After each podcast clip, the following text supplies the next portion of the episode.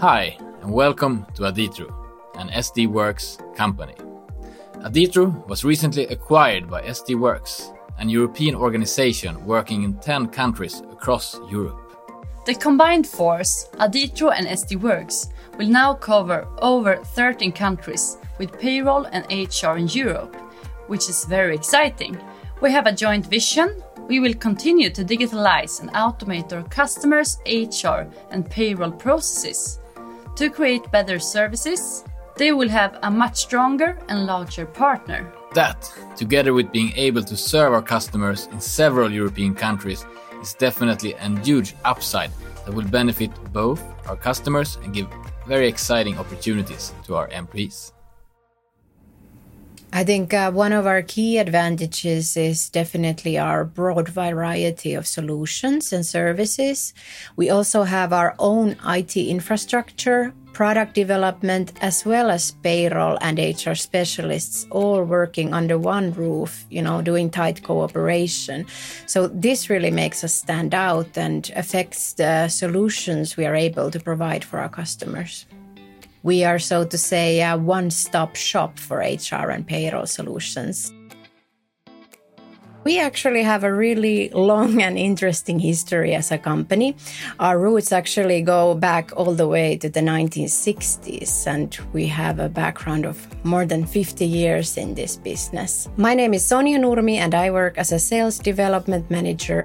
And uh, during those years, we have had you know, variety of different solutions and products and even company names. I'm Wahl and I work as a large enterprise account manager. I've actually been a member of a Nordic team and we have worked quite tightly to win a new Nordic customer. My position now, I'm responsible for our biggest clients. So that's uh, large enterprises in no Norway and also in the Nordics. So um, I'm responsible for the agreements, and then uh, I need to cooperate with my colleagues in Finland and Sweden and Norway, consultants, project managers, and so on, so that my uh, customers get the best service. And that influences us, but mostly people centric.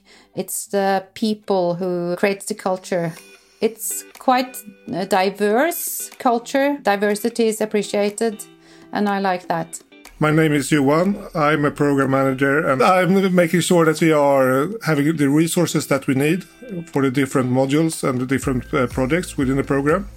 And on a daily basis, I also handle a few uh, projects within the program, such as the mobile solution, where we have two mobile applications that we develop I think it's nice to work with systems that actually simplify the everyday work for people. Removing clicks, it should be easy to make an expense claim or a timesheet report. It should be not 100 clicks, it should be a few clicks and it should be very easy to use.